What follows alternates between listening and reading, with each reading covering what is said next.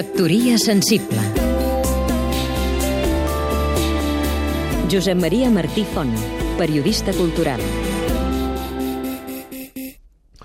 Torno d'un llarg viatge per la Xina i descobreixo una cosa que he intuït en altres ocasions, però que sempre oblido tan aviat m'instal·lo en la nostra quotidianitat de petits europeus satisfets.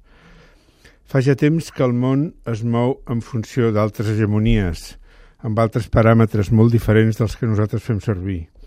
Descobreixo que la vella Europa, aquesta cantonada ribatejada del gran continent euroasiàtic, comença a ser una ucronia, un entelèqui que encara es creu un imperi colonial però ja no té colònies.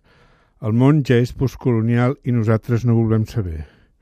Al llit a l'habitació d'un hotel a Changsha, un poble de 10 milions d'habitants del sud de la Xina, del qual no sabem res, sinó és que va ser on Mao Zedong va anar a la universitat, Passava d'un canal de televisió a un altre. Era el dia del 40è aniversari de la conquesta de Saigon, l'actual ciutat Ho Chi Minh, pels guerrillers del Vietcong i de l'exèrcit de Vietnam del Nord. Últim episodi de la guerra del Vietnam, la guerra que va marcar la meva generació.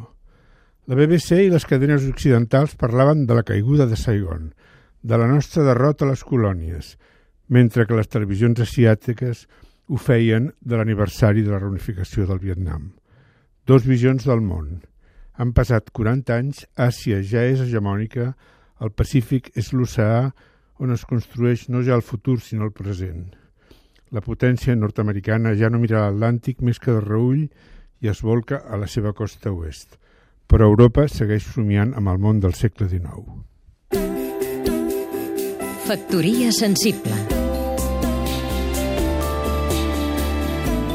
Seguim-nos també a catradio.cat